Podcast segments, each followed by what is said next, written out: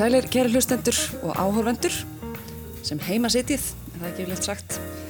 Guðrúnsólega Gerstóttir heiti ég, er stjórnandi Lestarklefans þessa vikuna. Þetta er svona höstútgáfa klefans og ég fengi til mín venju samkvæmt þrjá, sérstaklega góða gesti. Það er Svamborg Siguradóttir Bóksali, Halla Þóradóttir, dansari hjá Íslenska dansfloknum og Ragnar Bragason, höfundur og leikstjóri sem ætla að rýna með mér í þrjá menningar viðbyrði. Verðið velkomin í Lestarklefan. Takk. Við ætlum að fjalla um þrönd. Það er Gilbert og George, The Great Exhibition, sem er nú brýðir veggi og gólfoloft listasaps Reykjavíkur. Síðan ætlum að fjalla um Netflix kvikmyndina I'm Thinking of Ending Things, sem Charlie Kaufman leikstýrir. Og síðan ekki síst, þá ætlum við að spjalla um óperuna Ekkert er sorgleira en manneskjan, sem að nú er í síningu í Tjarnarbíói. Fjölbreytt og skemmtileg lestarferð framundan og okkur er ekki til setjun á bóðið. Reyndar okkur víst til setjun á bóðið, við ætlum að setja næsta klukkutíman. En við ætlum að fara um víðan völl, enga síður, í efnistökum. Byrjum á Gilbert og George í listasafni Reykjavíkur. Þetta er uh, stór síning og ber nafn með rentu kannski, The Great Exhibition. Hún er sérstaklega unnin fyrir Hafnarhúsið og henni stýra heimskunnir síningastjórar Daniel Birnbaum sem var safstöri Moderna Museet og Hans Ulrich Obrist sem er listrætt stjórnandi Serpentine Galleries í London. Og þetta tvíegi hefur unni saman í halva öll, 50 ár pluss og eru ofsalega samstiltir og samrýmdir og svona þekktir fyrir það að hafa ákveðin húmor og brott í sinni list og reyfa svolítið við fólki svo ekki sem er sagt. Eh, þeir fjalla um stór viðfánsefni, stjórnmál, stríð, trúmál, erotík og, og hérna, húmor kannski. Svona svífur við vötnum í flestum þeirra verkum og þetta er, já, áhrifamikil síning að sumra mati. Eða hvað, hvað fannst þér, Svanborg? Gilbert og George. Jú, vissulega áhrifamikil og, og það bara það að koma inn í, í salin yðri og tekur það bara á móti manni því lík sko byrta af litum þannig að bara þannig er hún mjög áhrifarík risastóru verk og áður maður fyrir að skoða verkin sjálf þá, þá fær maður inn þessi þessa grunnliti sem að hafa líka mikil áhrif. Ragnar Bragarsson, leikstjóri hvernig fannst þér þetta? Já, ég hérna það var nú sorglega fáur því ég mætti, það var engin í húsi. Það var ekki neitt í, í afgræslunni og, og hérna, einhver húsverður lefði mér inn sem er mjög skemmtilegt. Og þannig ég ráði þarna einnum í svona hálftíma og, og hérna ég naut hérna síningar hennar mjög vel, mikið sko. Það var hérna eins og ég tek undir þetta með lit, litadyrðina, það var svona fyrsta sem að hérna, greip mann. Mm. þessi prímlitir allir og, og hérna svo fyrir maður að rýna svona betur í, í, í smáatriðin og, og mér fannst sko svona húmórin kannski vera svona yfirgnæfandi eða svona sjálfskakrinnin sem mér var skemmtileg og hérna þeir eru, ég þekkti þess að menna ekkert fyrir, ég vissi ekki eins og þeir varu til. Ég hafði séð nöfnin að því einhvern tíma var ég að að googla eitthvað hvað David Bowie var að gera í sínum frítíma og hann sapnaði til dæmis þessum tömur mannum eða semst verkum þeirra. Þannig ég hefði svona bara reykist á nafni en ég aftaði mig ekkert, ekkert meira á. Ég, ég, hérna, ég er ennþá að hugsa um þessu síningu sko. Mm. Það er myndið kannski það, svona hvort hún skilja eitthvað eftir og hvort maður sé lengi að velta henni fyrir sér eftir og, og melda hana. Var það, var það þannig með þig, Halla? Já, ég get alveg tekið undir þetta einmitt með litina og þetta er svona mjög áhrifaríkt að koma inn í rýmið hann á fyrstu hæðinni og það sem að ég kom með svolítið inn í, mann alltaf kemur að síningum bara með allt sitt og hvað er í gangi inn í samfélaginu og bara fyrsta verki sem blasir við manni er þetta Naked Park þar sem að þeir standa naktir eitthvað eins og tveir stólpar eða grískir, grískar stittur og svo allir þessi svörtu andlit á bakgrunni. Og maður er bara svona fúf, strax eitthvað nefn tekinn inn í Black Lives Matter alveg bara mhm. frá upphafi þannig að já það fannst það mjög svona stert og svo svona gegnumgangandi mikil ádela og margt sem maður gæti séð eitthvað nefn í, samfél, hérna, í samtímanum uh, í verkunum þeirra hérna, jafnveldum eldri. Og húmórin fannst mér alveg líka að koma svona mjög stert í gegn. Mörgur fyrst þetta er svona augrandi síning fyrst um gróf, einhverju leti þannig er það sem ég kalla erotík það er bara svona raskut þannig til sínis og líkamslutar og kynlíf og, og svona kynferðstengt þett og hitt. Og hérna og kannski einhverjum sem er misbóðið eða þetta særi blíðunarkent fólks sem ég skilst að segja einmitt kannski hluti einmitt upplifunarinnar, hvernig við bræðumstu verkunum og tölum við þau. Á VF, listasafs Reykjavíkur, er hans skemmtilega sirpa, þar sem að listamennir fengnir til þess að fjalla sérstaklega um eitt verk á síningunni, auðvitað sem að það er viðburðarsirpa á vegum sapsins, þar sem að listamennir fengnir til að leiða fólk um síninguna og svona segja frá henni og, og sinni tólkun á henni. Ég tók til gamans eitt hljóbrot af VF listasafs Reykjavíkur, þar sem Rakel Mack-Mahon listakona lýsir verkinu Bömhól, við skulum hlusta á þá lýsingu. Svona nektarpósa, þetta er eitthvað svona svo hressandi, smá dónalegt en hérna ekki móðgandi en þetta, þetta eiginlega pínir áhörfandan til að skoða sjálfansi svolítið, þetta er ekki svona beign kontakt og mér finnst eins og þeir svíði hérna yfir þegar fólk er að horfa á verkinn þeirra og líka með þessi raskut verandi með bara raskutin framann í sko áhörfundur og í bara full size. Þetta er ekkert svona sjónarhörd sem maður sér oft. Þetta kjarnar kannski svolítið svona hugmyndafræðina þeirra með það að þeim langar ekki að listin sé vitsmennuleg en það er eitthvað við það að stíðin og sapn og þá ekkert með enn fermar í svolítið svona, þú veist, já, þú veist, skoða hérna, en, en það er ekkert í bóðið hér. Þannig að ég faldi mig á bak við súlu og var í eitthvað svona hlátuskasti. Svo fannst mér rosa fyndið að sjá, þú veist, einhvern veginn, vera að fylgjast með öðru fólki, horfa á þetta verk. En það er þetta performatífa element sem ég finnst líka einhvern veginn. Þetta verður einhvers konar gjörningur, þú veist, að áhorfandin verður allt í einhvern veginn bara þáttangandi í þessu áhorfi og þessu verkið. Svanborg. Mm -hmm varst þú að letast í kringu þig þegar þú fórst í safnið á kannski verið fleiri gestir en þegar Ragnar fór? Það voru nokkrir, það var ekki mjög mikið mm. ég fór sko um kvöldi þegar að opninu var mm. og hérna en sko það sem ég finnst er svo gaman við þetta er að þeir, þessi settlegu menn í svon hugulegu jakkafötum fara úr þeim og þá eru það alltaf í náttúrulega eitthvað dónalegir mm. og það er svo áhugavert því að við sjáum mannslíkaminn er búin að horfa á þetta frá örafa aldaða skiluru í listinni og þú veist, konur endalust naktar og, og, og hérna að pósa fyrir artistan og, og það er einhvern veginn, það er ekkert dónalegt í dag, en í dag árið 2020 að þeir séu að pósa svona, það er svo áhugavert að það sé særi blíðunarkjönd fólk, sko þannig að mér fannst það náttúrulega bara skemmtilegt, sko en, mm. en hérna já, en sérstaklega í dag það sem er, þú veist, interneti, þú getur séð allt sem þú vilt, þú veist að þá allt í hennu finnst fólki þetta vera erfitt sko. Það er áhugavert og það er bara mm. mjög flott hjá þeim að gera þetta bara svona, þú veist, in your face, finnst mér. Mitt. Ragnar, augraða þetta þér?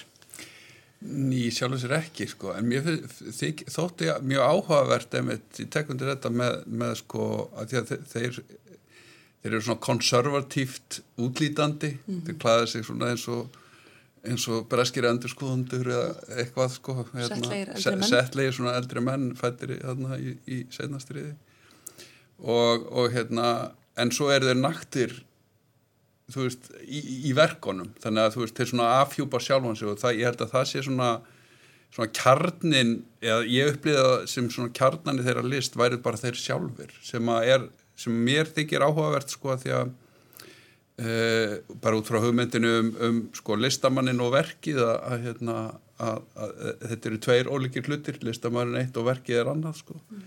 en í, í þeirra tilviki þá eru þeir listaverkið og það þykir mér mjög áhugavert og hérna og þeir, þeir hafa líst í yfir sjálfur eða séu konservatífir en þegar maður lappar síninguna þá eru þeir ekki mjög konservatífir þannig ég held að það sé nú vísu úmor mm.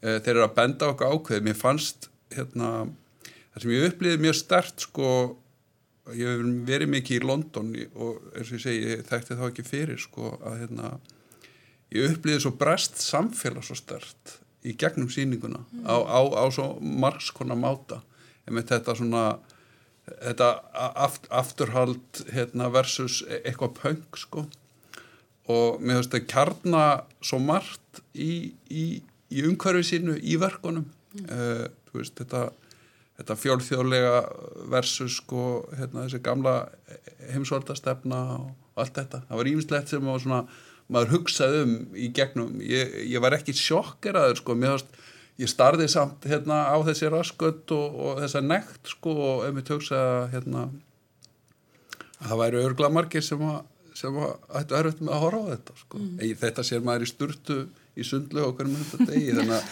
fyrir mér var þetta ekki sjokkarandi. Sko. Þetta eru bara líkanar. Einmitt. Halla, þú fórst á eina af þessum leðsóknum sem ég nefndi hérna við þér á vegum Subsins. Það var hún Rakel McMahon sem stýrði henni. Leiti það ljósa eitthvað svona nýjar hliðar á síningunni fyrir þér? Já, algjörlega. Hérna, það sem ég fannst svona áhugaverðast var að í lókin á leðsókninni þá fórum svolítið að segja okkur frá þeim og þeirra lífi og þeir eru einhvern veginn bara einmitt, hérna, svona sína sig út á við sem þessa hérna, konservativ, royalista, alltaf í jakkafötum, hafa búið á sama staðinum í 50 ár og er bara svona, þú veist, er með alveg mjög fasta rútinu þar sem fara alltaf göngutúri hverfinu sínu og þeir eru bara rosa mikið að taka inn úr því sem við sá, sjá í þessum göngutúrum inn í, inn í hérna, verkin sín og maður sér þess að þróun í gegnum árin hvað er að breytast í hverfinu þeirra þannig í Íslondon, bara hvað fer frá að vera punk og allt í, hérna, í rugglega nærunni og síðan verður þetta gentrification og síðan núna er þetta bara mjög dýrt hverfi og finnst rosalega áhugavert að sjá það svona í gegnum uh, tímalínuna á verkunum. Og hérna, þeir fara aldrei að, að sjá aðra list, þeir fara aldrei í leikús eða neinar aðra síningar, þeir vilja bara vera alveg hreinir og ég fór svo mikið að hugsa mitt út í þá þá, þú veist, er þetta bara langur gjörningur og í kjölfræði því eru þeir búin að ákveða þegar annar deyr, þú veist, hvernig þeir takla þetta allt. Og þeir hugsa um sig sem bara einn listamann. Tveir einstaklingar, einn listamann, einn heilt bara. Og mér ást það rosalega áhugaverði vingil, sérstaklega að koma svona eftir á. Mm -hmm. að vera búin að sjá all verkin og hérna, gangi gegnum síninguna og fá að heyra síðan þetta svona í lókinu og þetta batta einhvern veginn saman og svo skemmtilegan hátt. Mm -hmm. Þeir sögðu sjálfur í viðtali sem tekið verið upp í aðdraðanda þessar síningar hérna á Íslandi að hver einasta mynd sé sjónrænt ástarbref frá þeim til áhorfandans. Svanborg, leiðir þannig eins og var að taka móti ástabrefi þegar þú meðtókst þessi verk. Ég, Ef ég hefði vitað á því að það væri ástabrefi en hérna Um, kannski ekki beint sko. Um, nei en mér fannst hérna þessi fyrstu verk sem eru uppi svona svart hvít mm. Þau voru alveg svona ljóðuræn mm. það er upplið það mjög stert sko. Mm. og þar var einhvern veginn um, fannst mann verið eitthvað annað í gangi. Og það er mjög gaman að það, þeir gerðu sko mynd heldur 81 sem að getur sko leikt hjá listasafninu. Og með fyrir á vefin annarkvort bara í einn dag eða bara keft sér hana. Og hún er líka einmitt þess að þú ert að tala um.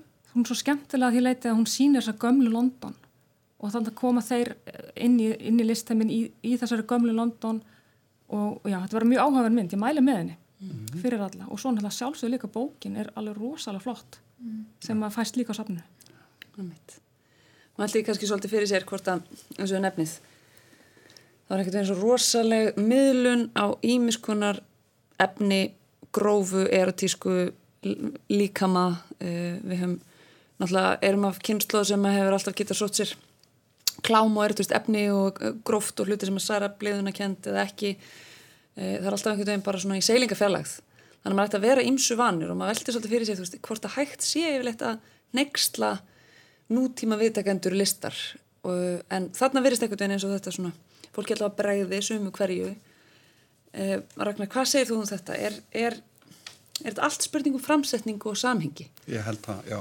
Að Bossi, hann tröflar okkur ekki þegar við sjáum hann í Kallagljónum í Vesturbælaunni en þegar búið er að mála hann á risavægsi málverkin í virðulegu listasafni mm -hmm. þá allt í hennu fer hann eitthvað svona að stöka við okkur. Já, ég veit það ekki sko. Ég, hérna, ég held að sé, sé sífælt erfiðara að, að hérna, sjokkara fólk sko. Ég, emitt, maður hugsaður, við erum að upplifa þessa síningu 2020 sko ég mynda mér sko hvernig viðbröð þeirra fengið kannski áttunda og nýjunda áratýjunum skilur þegar þú veist svona þegar þeir hérna fólk fyrir að taka eftir þeim virkilega mm. og, og hvort að viðbröðin hafi ekki verið starri þá, þú veist, ég, vei, ég veit það ekki eh, þú, maður upplifir náttúrulega allir upplifa list á mjög mismunandi máta sko, hérna Uh, ég var brosandi í gegnum alla síninguna, mér fannst hún fyndin mm. og hérna auðvitað var hún hugveikjandi að einhverju leiti hérna, en, en mér fannst þessi svona þessi fallegi einlægi húmor vera svona ofana og ég held að þú veist, ef maður horfir bara, þú veist upp í, upp í rass á, á, á meðaldra kallmanni á listasýningu þá maður getur ekki annað að brosa sko. þetta er bara fyndið veist, þetta, er, þetta er í einhversu kjánalegri stellingu það er, ek, það er ekkert erotíst við þetta eða, mm. eða beint sjokkarandi sko. mm. þetta er ekki þeir eru ekki einhvern veginn svona að, að hérna að setja þetta fram á einhvern svona ultra gróteskan máta þetta er, mm. þetta er allt með einhvers konar húmor eða sjálfsgagrinni og svona hérna það, já, það er svona það er eitthvað svona léttleiki yfir þessu sem er skemmtilegur sko. Þetta er hinn vandaðast auðferð yfir Gilbert og George í listasamlinu eins og ferja okkur yfir í næsta mál á dagskrá það er ópera hvorki meirinni minna samtíma ópera sem ber titilinn Ekkert er sorgleira en manneskjan og er sínt í tjarnabíu um þessa myndir. Eh, þessi óper er eftir tónskaldið Fridrik Margreðar Guðmundsson og leikstýrt af Adolfi Smára Unnarsinni og höfundar kallaði þetta samtíma óperu um leitina að hamingjunni. Og ég hugsa að það sé best að við fáum að heyra brott úr þessu óperuverki sem er óvanlegt fyrir margar lutasakir. Skulum heyra smá tóndæmi.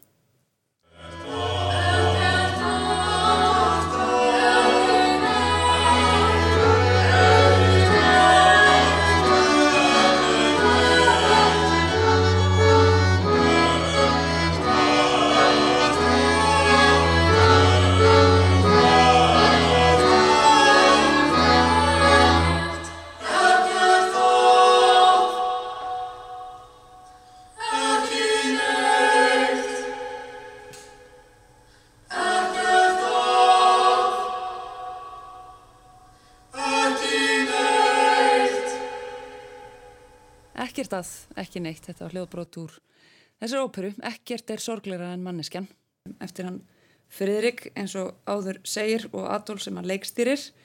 Það eru fjórir óperusöngurar sem að flytja verkið, það er Dagur Þorg Grímsson heitis Hanna Siguradóttir Marja Sól Ingólsdóttir og Ólafur Freyr Birkisson dramatúrgeran Mattias Tryggvi Haraldsson og, og tónlistarstjórn fer Pétur Björnsson með. Og það er lifandi tónlist, það er hljómsveit sem flytju tónlist á, á hverri síningu og ef maður bjóst við að vera að fara á einhvers konar hefðbundna óperu þá hérna var maður fyrir vonbröðum eða koma þetta manni skemmtilega vort, ég veit það ekki.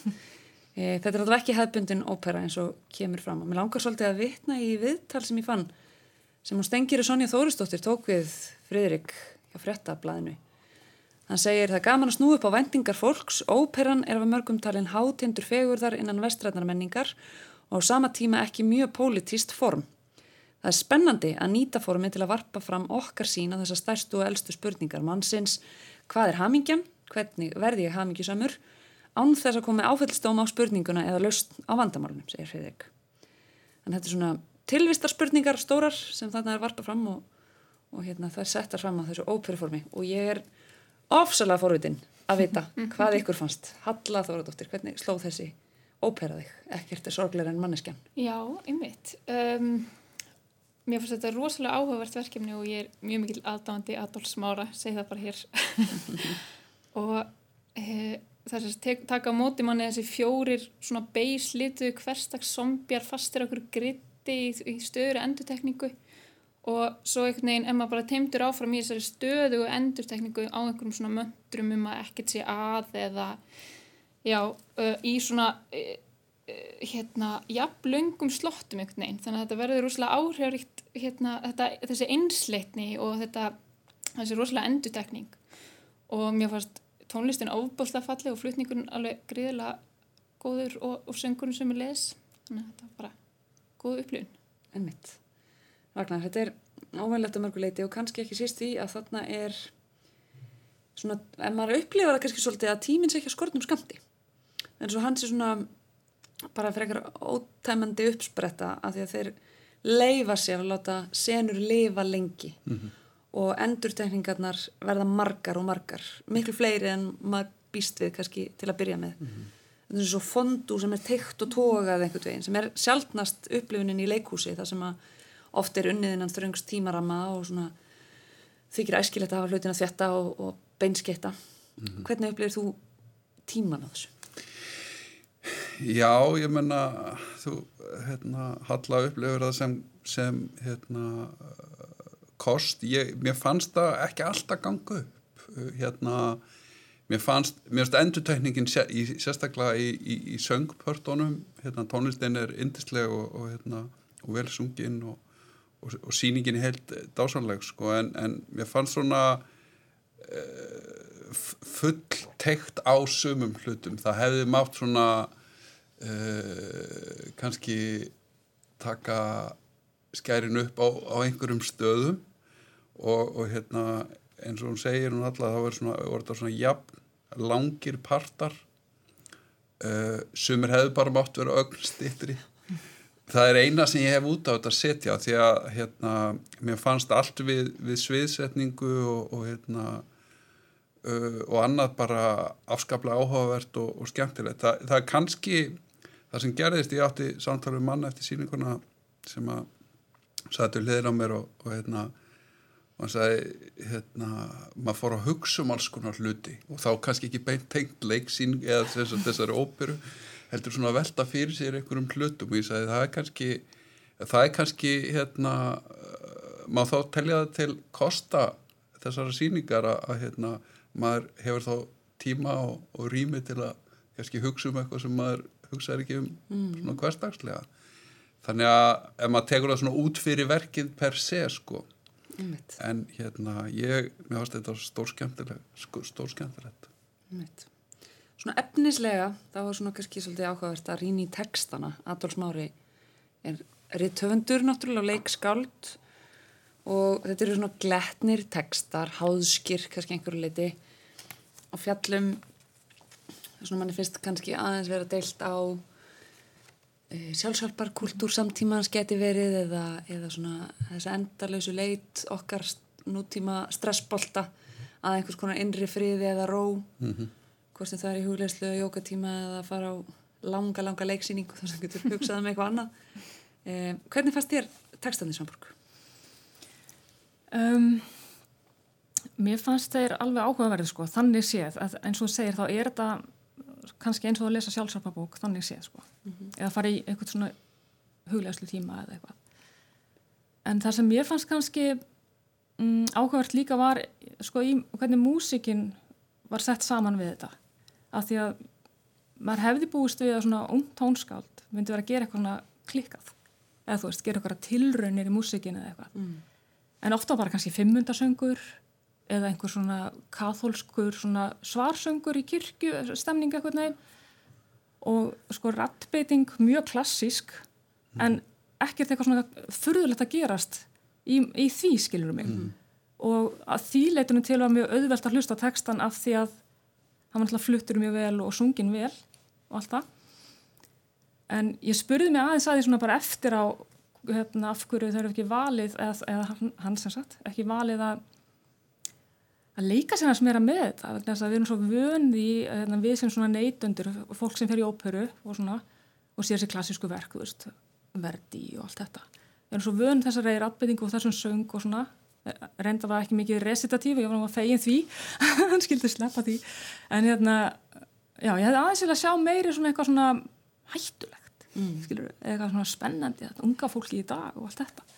Þú veist, það er að finna upp okkur einhverju nýju í músikinu en ég hafði mjög gaman á þessu, ég er ekki að segja það mm. en ég hefði vilja kannski fá aðeins meira skringilegt mm. veist, í tónlistinni mm.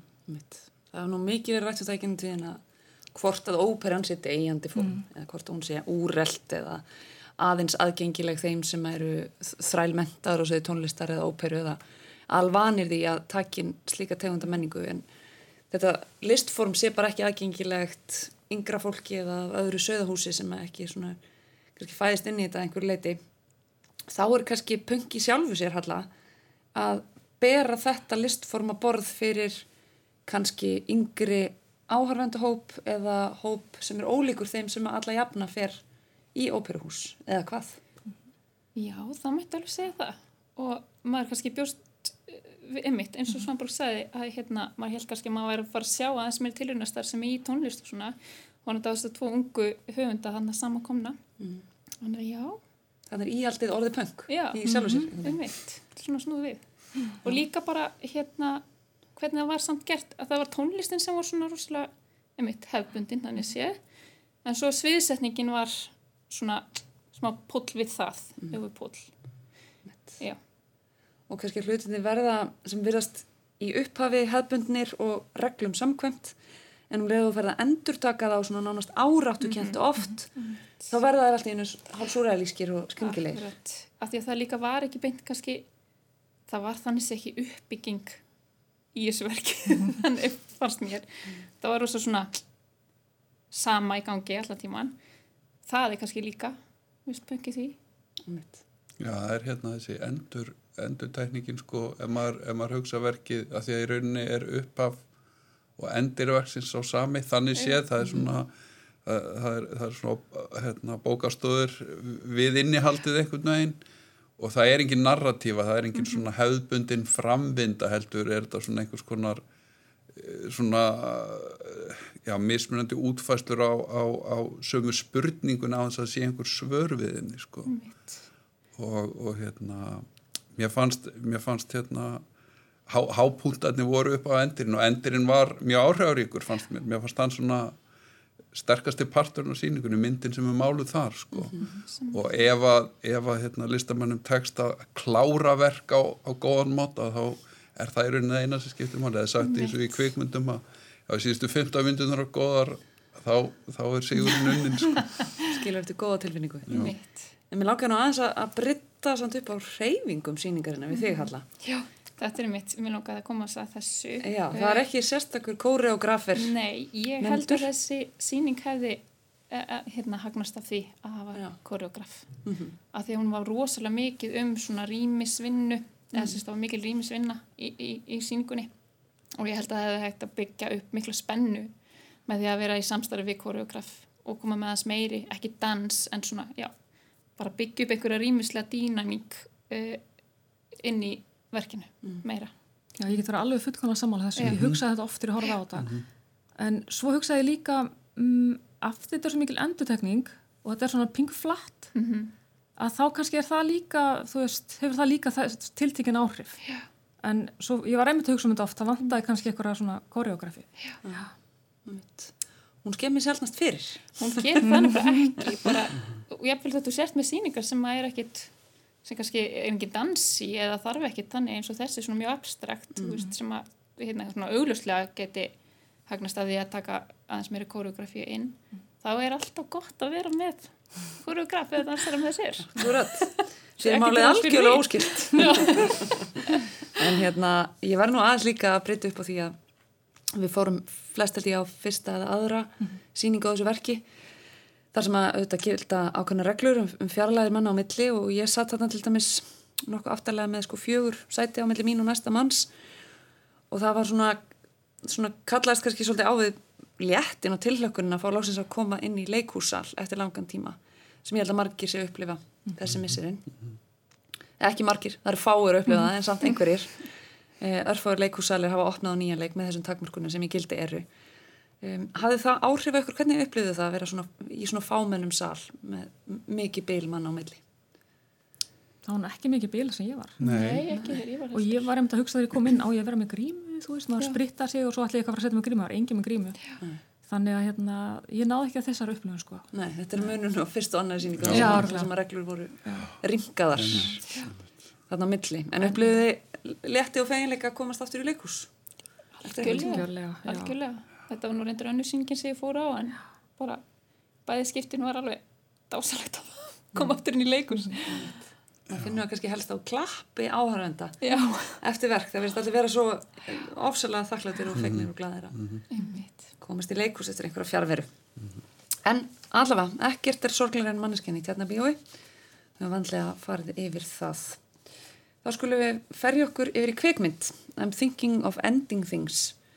Um, ó-Netflix legasta myndin á Netflix sá ég einhvers þar sleið upp í, í fyrirsögn. Af því að þessi mynd er afar listræn og kannski tormelt einhverjum skilningi allavega samkvæmt svona þeim dómum sem ég las um hana. Hún er í leikstjórn Charlie Kaufman þannig að kannski ekki við öðru að búast. Eh, hún var frumsýnd á Netflix þann 4. september.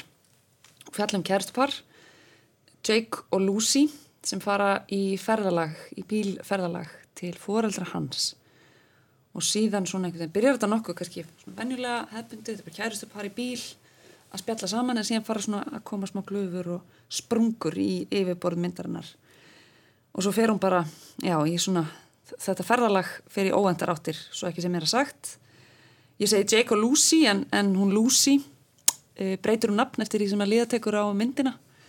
Það er svona reiki hvað hún heitir hún heitir Lucy eða Louisa og, og þarna voru einhver fleiri nöfn líka með aðhluturki myndinni fara Jesse Plemons og Jesse Buckley. Og Toni Collette kemur þarna líka leikur. Mömmuna og David Thewlis leikur líka aðalhlutverk. Og þetta er Já, þetta er svona mynd sem allavega í mínu tilfelli skildi eftir ofsalega margar spurningar og hugrenningar. Og það er ofsalega auðvelt held ég að týna sér í Google til þess að fá skýringar á þessar og henni vísuninni, hún er alveg stappfull af ímiskunar tilvittnunum í kunnulega hluti, brotur, menningunni, kveikmyndum, tónlist, söngleiknum, óklahóma og hérna, er svona svolítið káos, verðist manni allavega svona til að byrja með og það er kannski bara svona til vittnis um einmitt það hversu mikið efni er nú þegar komið á netið að fólki að rína í myndina og reyna að skilja hana og spjallum hana. Þá er listin allavega gegna einhverju hlutverki Svanborg, hvað fannst þér? Hvernig fannst þér þessi mynd? Sko mér finnst þetta svolítið fyndið. Ég, hérna, ég horfið á hana sko það var áður en að við spjallum saman og ég vissi alltaf horfið á hana. Og hérna ég horfið á hana því að út af sko hérna Ian Reid sem skrifa bókina. Já, já, og hérna hann hefur komið til Ísland svo náttúrulega ekki þekkja hann. Mm -hmm. og svo horfið ég á myndina og allt það og svo pældi ekki mikið meiri því. Svo bara horfið ég á eitthvað annað og bara lífið gegn sem vana gang svo fór að sjá bara viðbröðin og ég alveg merkilegt hvað sem myndir mikið áhrif á fólk mm. og það er eitthvað ástæði fyrir þessu þú veist að, að hérna já og ég fór að, meira að velta því fyrir mér af hverju er, er allir að tala um þessa mynd og veldur svona mikið fyrir sér og ósláð pyrra reyðir þú veist að hvernig, mjög mikið solis viðbröð já. og hérna þannig hún er að tala við eitthvað í fólki skilur þau já, mér fannst það svo áhugavert mm. þannig að ég fór ekki þangað sko, mm. þegar ég horfði á hana ég bara, en ég hugsaði síðan líka þetta er á Netflix og það eru miklu fleiri sem að horfa á Netflix heldur en er í bíó. Mm. og kannski fólk bara ekkit oft eins og maður fer á kvikmyndaháttir og maður fer bara á eitthvað þú veist, bara, maður er bara vanur því. Svo sé maður þessa á Netflix og maður er, já, horfa hana og eitthvað. En það er greinlega fullt af fólki sem er ekkit endilega að horfa á eitthvað annað heldur en að þú veist, það velur sér alltaf Netflix. Þú veist, eitthvað sem veit sirka hvað er og er ánægt með það ekki. Mm. Æ, já, ég veit ekki hvað ég ætla að segja. Mér finnst mm. þetta bara svona svolítið sérstök viðbröð við minn mm. sem mér persónulega finnst kannski ekki alveg þurfu allir þessu viðbröð en það er eitthvað sem að veldur því. Og þá er það áhugavert. Akkurat. Eitthvað svolítið Nákvæmlega, Ragnar. Já, hvað skal maður byrja? Kvíkmyndalegstjóri, þú gjör svo vel að koma með einhverja einsinni Ég, ég verða að viðkjöna, ég er hérna, mjög mikill aðdándi Charlie Kaufman og hef verið alveg frá upphafi og hérna, ég var búin að býða eftir þessari mynd með mikill eftirvæntingu. Mm. og hérna var svona fann að telja niður dagan og bara ég horfði á hann held ég svona hálf tíma eftir hún byrtist á Netflix. Og, og svo gerist eitthvað undarlegt sko. Ég, ég hérna ég misti, tapaði alveg þræðinum sko. Og ég sopnaði yfir myndinni mm. sem er annað skipti á æfinni sem ég sopnaði yfir kveikmynd þetta, þetta er hérna þetta er bara, ég tík út að sé bölvun eða hvað, en ég bara ef ég byrja að horfa á kveikmynd þá klára hérna það er bara, það er bara hvort sem hann sé góð eða lélega eitthvað, en í þessu til ekki sopnaði og hérna þannig ég, því ég vaknaði að og hérna, aldrei undrandi að hafa sopnað að klára henn og daginn eftir. Og svo fór ég aftur upp á byrjun og byrjaði svona, horfði á byrjun aftur og eitthvað var að reyna púslinni saman í höstum á mér. Sko, hún er mér veist þetta nú þetta er ekki besta verkið hans mm. en þetta er mjög áhugaður tilrönd finnst mér um að, að hérna svona í, í bæði í frásögna í, ekki formi beint er svona eitthvað svona einhverju pústluspili þú veist að hérna, þessi mynd er pústl mm. hann ég veit ekki sem mikið maður á að tala um hana en, en hérna vara áhundu við, vara áhundu hérna við sko, en, en ég held að sé kannski bara ágætt að fólk hérna, upplifið spóilar áður að horfa á myndina því að Já. það kannski horfur betur á hana Já. en, en aðal personan í myndinni er í rauninni bara uppspunni Já. hún er, þetta er svona einhverjir þetta er eitthvað svona völundarhús uh, hérna kvalins kallmanns einhvern veginn sko, það er þessi, í rauninni bara ein saga. persóna í myndinu og það er húsvörður. Já, það er, þetta er bara um einhvern einmanna eldri mann sem að hérna, hefur lifað hérna, svona frekar daburlegu lífi og hann býr til einhverja fantasíu úr einhverju púslar saman hlutum úr menningu sem hann hefur upplifað bókum eða kvikmyndum eða Ljóðum. einhverjum, já, ljóðum og, og hérna, einhverjum svo fólki sem hann hefur hitt stuttarstund og eitthvað uh, og, og býr til þessa konu sem að er aðalpersonan sem er einhvern veginn og fer svo í fantasíunni að, að svara honum eða í rauninni að standa upp í hárun á honum. Þannig að hún hegða sér ekki einu sinni eins og fantasí á að gera. Og þannig að mynd, mér finnst þetta allt mjög áhverð en hún bara hún náði mér ekki alveg svona á tilfinningarlevel einhvern veginn myndin. Ég, mér fannst hún aðeins of hvað ég segja, aðeins of flókin. Einmitt. ef það er orð, flókin. Svo er spurning hvað í þessar mynd er meðvitað stílbragð og hvað ekki. Ég velti svolítið fyrir mér með samtölinn þeirra á milli. Eru býstna uppskrúið og hátíðleg? Tilgerðarlega jafnvel. Og maður velti fyrir sér hvort að það sé með vilja gert, væntanlega. Um, allavega ekki svona kannski hefbundið afslappað símtal í lokur í mig milli kæristupars. Svo veit maður ekki svo sem hvernig fólk hagar sínum málum en, en síðan einhvern veginn fer maður að veltaði fyrir sér sko hvort að kærastinn geti lesið hug kærastur sinnar og það er svona kannski fyrsti bresturinn sem kemur í eðlilegt yfirborð raunveruleikan sem byrtist okkur á skjánum. Og síðan bara heldur þetta áfram og vindur upp á sig þangar til þetta búið að leysast upp og eitthvað algjöran fárunleika Halla ég heyrði einhvern tímann því flegt fram að uh, þetta væri príðlis góður efni viður í leikrit. Var einhvern veginn stykki sem að ætti vel heima á leiksviði eða það var alltaf einn áhörandi sem að hérna sá það vel fyrir sér að þetta veri auðvelt að setja upp á sviði hvernig slæðir þetta þig? Þetta verið betra sem leikrit eða það er þér? bara ekkit hérna galin tilraun að gera það sko. en ég náttúrulega kannski kem alltaf frá mínu dansari augum mér fannst þetta sérstaklega senan sem, sem er í húsinu hérna hjá fólkdimanns, mér fannst þetta að vera rosa mikið dansverk svona bara hvernig hérna bara editingi var kóreografa í rauninni, Já. þú veist, klift á milli og hoppað á milli tíma og, og hérna í rúmi og alltaf þessi hundur hann að hrista sem, þú veist, ég einhvern veginn að því að ég er sammála, ég misti rosalega mikið þráðin hann á tímubili og, og þá einhvern veginn fór ég bara að horfa á þetta þannig. Og þannig að það er kannski ekkit afleitt, kannski bara sem dagsverk. Á og svið svona ágætt kannski svo að því að síðan setni í myndinni þá kemur einmitt. bara svona temmilega hefbundi já, dansverk eða svona duett klassískur duett já, úr Oklahoma söngleiknum. Já, sem var einmitt þá kannski líka kom með þennan léttleika inn svona í lokin, það er alltaf búið að vera svolítið svona, svona, svona mjög eins og þú sagðir, þú veist, svona intellektuál samtöl og svona mikla pælingar og svona uppskrúfa alveg. Og eins og einhver var að sjá fyrir sér hvernig hann myndi óska þess að hann hefði talað eða hefði verið intellektuál og síðan kemur þessi léttleiki einhvern veginn alveg í lokin svona sem einhver svolítið kontrast á það fannst mér. Einmitt, svo leysist þetta upp í svona undarlega stemningu á síðustu metru myndarinn þar sem flutt er ræða sem Já. að mörgum fast kunnuleg og reynist síðan vera einmitt Já, úr annar kvikmynd, Beautiful Mind já, hérna einmitt. Ræða John Nash úr þeirri, þeirri mynd. Já, já, einmitt. Það er hérna það eru, það er náttúrulega fyrst fyr, aðeins fyrir myndinni kemur sko langur monologur eh, sem að Jesse Buckley fer með sko um uh, uh, A Woman Under the Influence eftir John Cassavetes og er að tala um sem sagt performansin hjá Gino Rowlands í, í þeirri tilteknu mynd. Og sem notabene er eina af mínum uppáhaldsmyndum og eina af mínum uppáhaldsperformansum og, og, og Pauline Kael var, er alls ekki sammála mér um, um hversu góður performance það er hjá, hjá Gino Rollins á sínum tíma. Og hún bara, hún bara leikur Pauline Kael sem hún bara fer með dómin allan nánast eða þennan part þar sem fjallað er um Gino Rollins og hennar framistu hlutverki í þeirri mynd.